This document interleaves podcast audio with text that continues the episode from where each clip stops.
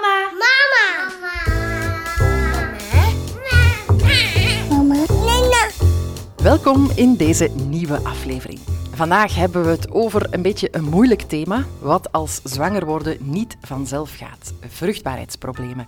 Alles wat je wil of moet weten over IVF. En daarvoor ga ik aankloppen bij een fertiliteitsarts, professor Dr. Christophe Blokkeel. Dag dokter. Goedemiddag. Vertelt u eerst eens, wanneer komen koppels met een kinderwens bij u terecht? Wel, dat is natuurlijk enorm afhankelijk van het koppel zelf. Hè. Sommige uh, mensen of sommige koppels denken al dat ze na zes maanden onvervulde kinderwens bij ons moeten aankloppen. Maar eigenlijk is dat gemiddeld genomen na één jaar. Na één jaar regelmatige coitus, na één jaar regelmatig proberen om zwanger te worden en nog altijd geen zwangerschap, dan is het moment aangebroken om te, om eens, uh, te komen aankloppen bij ons ja. in het Centrum voor Reproductieve Geneeskunde. Maar ik zou daar toch wel bij willen zeggen dat de leeftijd van de vrouw een enorme cruciale rol speelt. En ik denk dat we dat niet genoeg kunnen onderstrepen, dat de leeftijd van de vrouw enorm belangrijk is.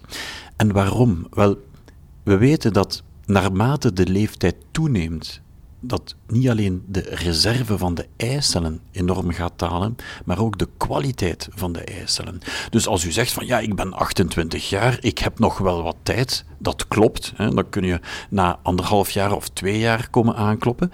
Maar bij een vrouw van 41 jaar is dat een volledig ander verhaal. Die vrouw zien we graag na drie of zes maanden onvervulde kinderwens. Ja, en hebben die koppels dan uh, vaak al een voortraject doorlopen? Wel, ja, dus uh, het is zo dat ongeveer 70% van onze patiënten die zich komen aanmelden al een behandeling gevolgd hebben in een ander centrum. Dus dat is inderdaad een zeer groot uh, aantal. Sommige patiënten zijn gevolgd door hun eigen gynaecoloog en zijn dan doorverwezen. Andere patiënten hebben al een fertiliteitsbehandeling of een vruchtbaarheidsbehandeling uh, gevolgd uh, in een ander centrum. En dan andere patiënten komen gewoon rechtstreeks bij ons aankloppen. Ja, um er wordt wel eens gezegd dat het moeilijk is om binnen te geraken in zo'n fertiliteitstraject. Klopt dat? Is dat ook uw ervaring? Wel, de drempel ligt natuurlijk vooral bij de patiënt zelf. Hè. Ik denk dat we de laatste jaren enorme vooruitgang geboekt hebben in het uh, vermijden van de taboesfeer en dat de stap om naar een fertiliteitscentrum te komen enorm verlaagd is. Er wordt zeer veel over gepraat, er is een veel opener um, platform daarvoor uh, voorzien. Dus ik denk dat, uh, dat op dat gebied dat de patiënten wel de weg vinden naar een uh, vruchtbaarheidscentrum. Ja, het is ook niet te lang wachten op een afspraak. Dat is een klein beetje een probleem. Dat is een klein beetje een, een probleem. We moeten inderdaad werken aan het feit dat, um, uh, want ik heb het juist gezegd, dat de leeftijd van de vrouw zo'n enorm belangrijke rol speelt. En als we dan zien dat de wachttijd soms twee maanden uh, bedraagt vooraleer de patiënt zich uh, kan aanbieden bij ons, dan, dan is dat inderdaad een werkpunt. Ja, en zo'n traject, hoe lang duurt het gemiddeld, zo'n fertiliteitstraject? Er zijn eigenlijk twee grote behandelingsstrategieën hè, met elk hun traject. Hè. De eerste behandelingsstrategie, laten we zeggen bij de milde infertiliteit of milde subfertiliteit, een milde verminderde vruchtbaarheid, is de intrauterine inseminatie. En wat wil dat zeggen? Dat wil zeggen dat we de vrouw onderwerpen aan een ja, een mild gestimuleerde of zelfs een natuurlijke cyclus, waarbij daarna het sperma van de man gewassen wordt, gecentrifugeerd wordt en die dan op de juiste plaats op het goede moment teruggeplaatst wordt. Een relatief eenvoudige procedure. Inseminaties kunnen maandelijks, maand na maand geschieden en dan um, uh, kijken of er een zwangerschap optreedt of niet. Ja. Daarnaast hebben we een, een andere, meer geavanceerde, meer ingewikkelde, meer intensieve behandeling, namelijk de IVF of de in vitro fertilisatietechniek. Wat wil dat zeggen? Wel, dat is een zwaardere hormonale stimulatie met dagelijkse injecties gedurende een 8 à 10 à 12 tal dagen, waarbij de patiënten uh, na die stimulatie overgaat tot de punctie van de eicellen. Punctie van de eicellen onder lokale of algehele verdoving. En dan worden die eicellen in het labo gebracht.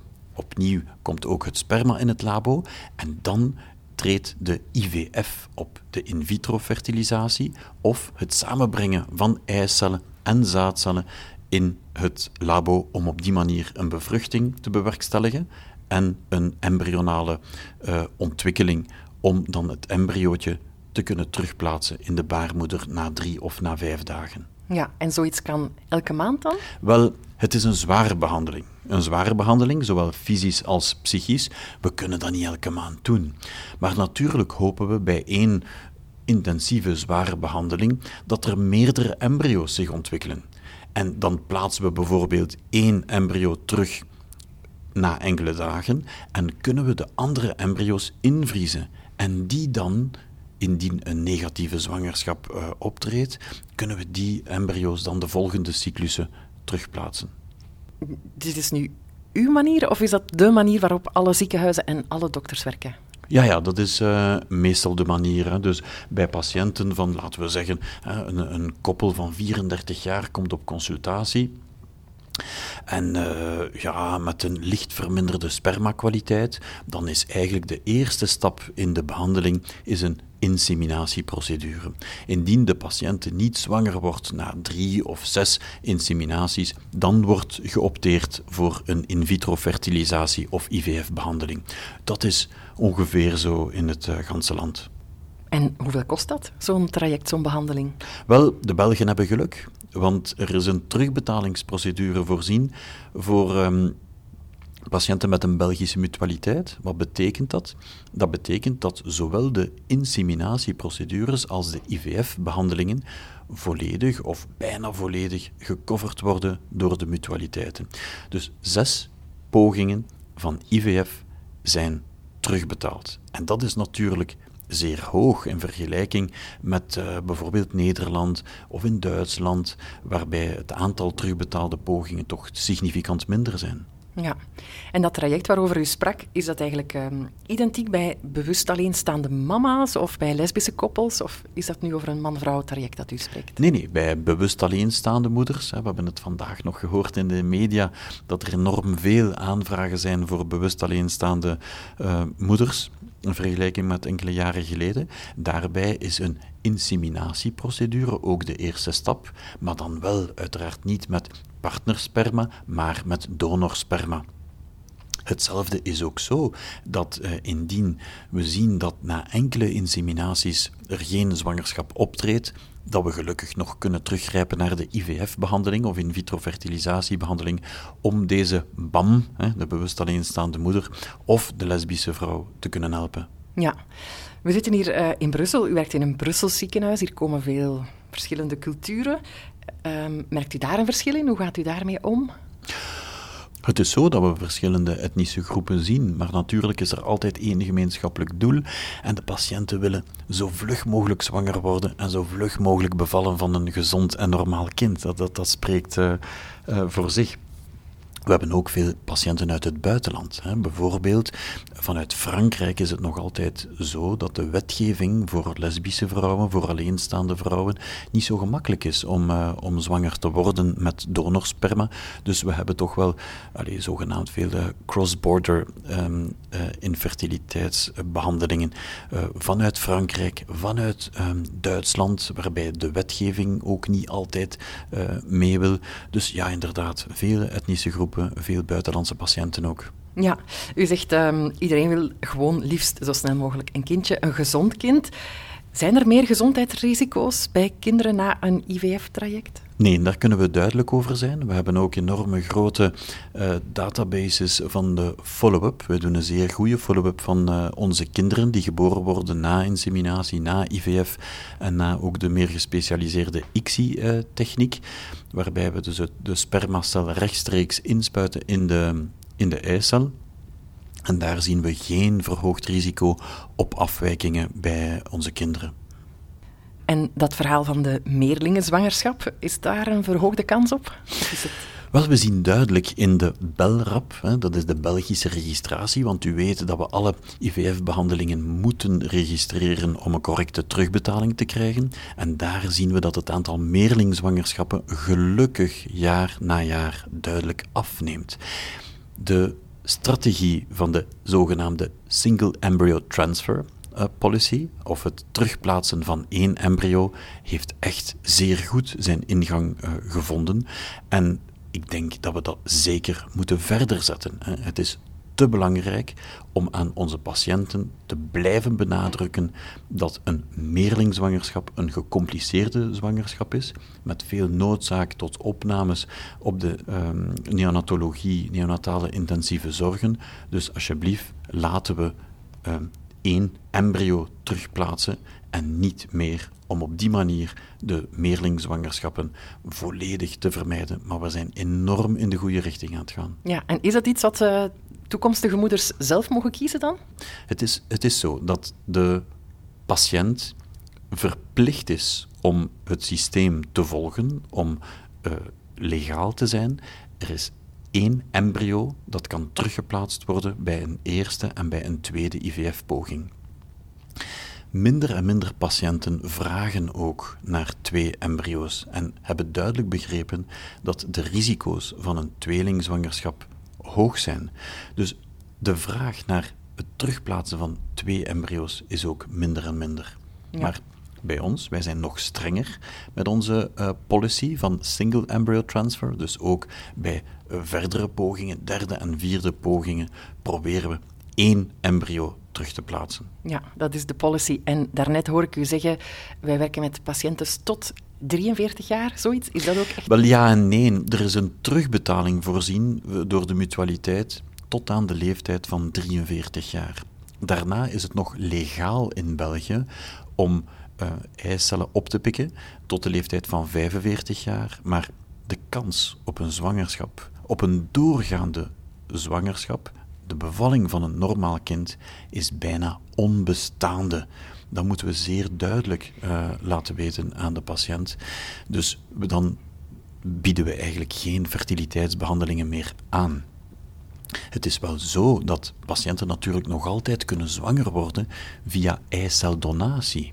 Wat wil dat zeggen? Dat wil zeggen dat we dus eicellen uh, wegnemen bij jonge vrouwen, die laten bevruchten met het uh, sperma en dan terugplaatsen bij de, uh, bij de aanstaande moeder om op die manier zwanger te worden.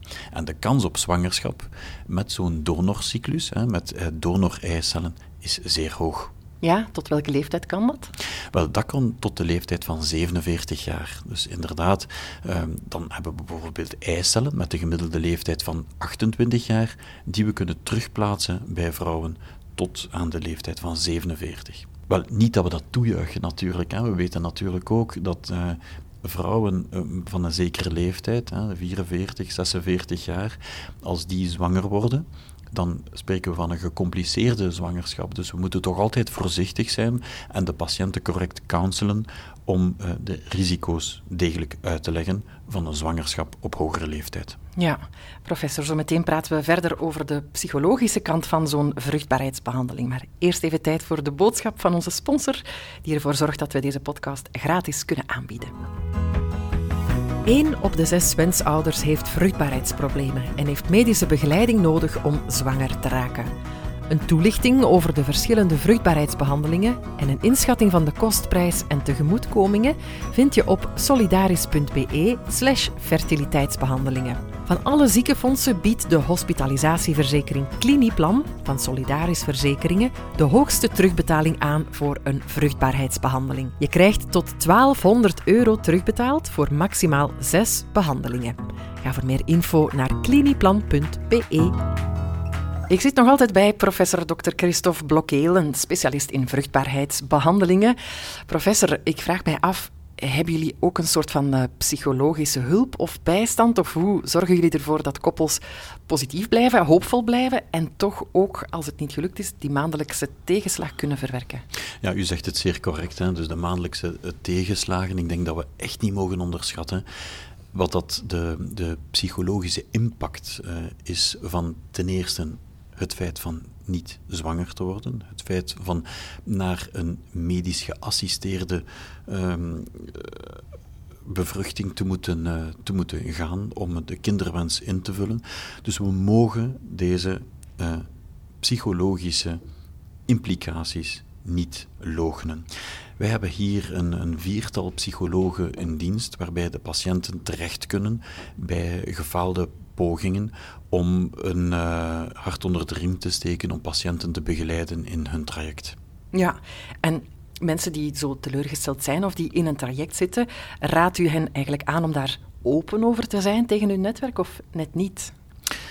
Jawel, maar Weet u, er zijn nog altijd werkgevers, minder en minder, maar er zijn nog altijd werkgevers van, van die patiënten die er niet echt oren naar hebben van, van dergelijke behandeling te volgen. Je mag niet vergeten dat zo'n intensieve behandeling, echografieën, bloedafnames, opnieuw bezoeken aan het ziekenhuis met zich meebrengt en dus ook wel wat verlet uh, uh, meebrengt. Hè. Bijvoorbeeld patiënten die in een bedrijf werken, die dan om de twee dagen even afwezig zijn om een echografie te laten maken, om een bloedafname uit te voeren, om een zwangerschapstest te doen enzovoort, is natuurlijk een intensieve behandeling. Als je op dan niet open kan zijn aan de werkgever, ja, dan verhoogt dat natuurlijk de, het stressgehalte. Dus het is echt best dat de patiënt open is naar de werkgever toe, maar als die daar oor naar heeft natuurlijk. Ja, en naar vrienden en familie? Ook. Het, uh, het is zeer moeilijk om, om alles in een taboesfeer te houden. Dus wij raden toch aan naar, uh, naar openheid toe om het, uh, wel, niet aan, aan de grote klok, maar, maar toch wel aan, een, uh, aan de familie en de vrienden te vertellen om, uh, om op die manier mee de verwerking te vergemakkelijken. Ja, nu ondertussen het gebeurt al heel veel jaren. Iedereen kent wel al iemand, familielid, vriend of kennis, die via IVF zwanger werd. Dus vraag je mij af, is daar dan nog een taboe over? Is daar nog schaamte over? Wel, ja, nog altijd. Ja, nog altijd. We zien dat er nog altijd patiënten zijn die zeer duidelijk zeggen van ja, wij wensen dat echt voor ons te houden. Hè, alsjeblieft. Um, laat ons uh, dat samen verwerken, hè, de, de, beide partners of, of bijvoorbeeld de alleenstaande, enkel met de zeer nauwe kring. En laten we dat niet naar buiten brengen, maar veel minder dan vroeger. Hè. Dus inderdaad, het taboesfeer is langzaam uh, aan het uh, verminderen, maar is nog niet volledig weggewerkt. Nee.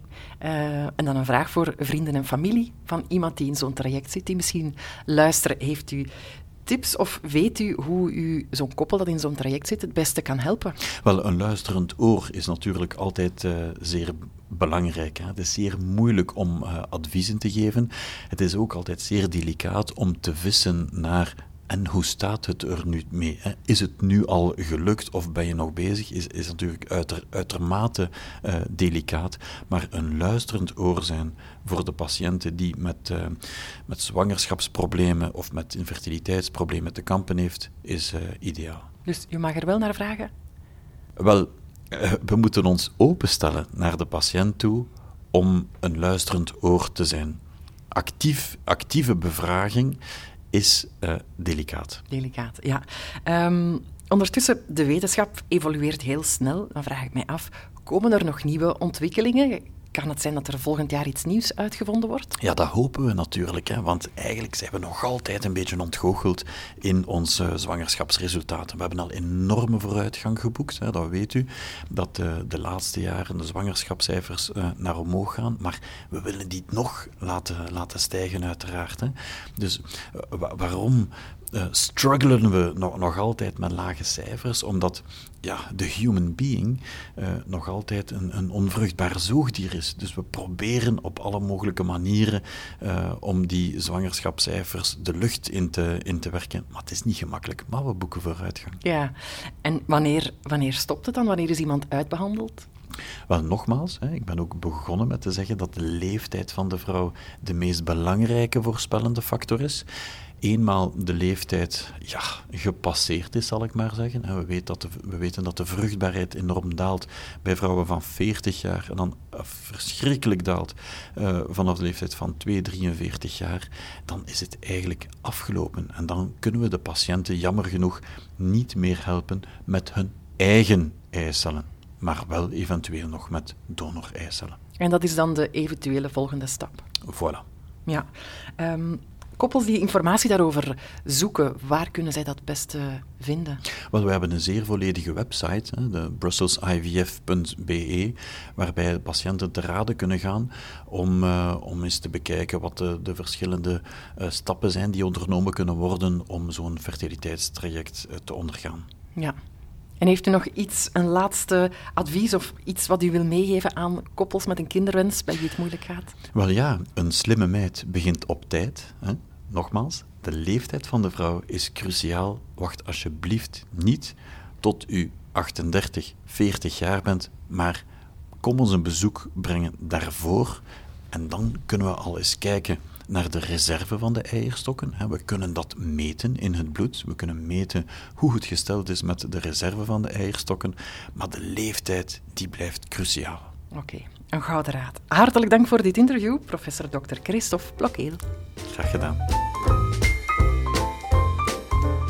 Je luisterde naar de podcast van Mama Baas.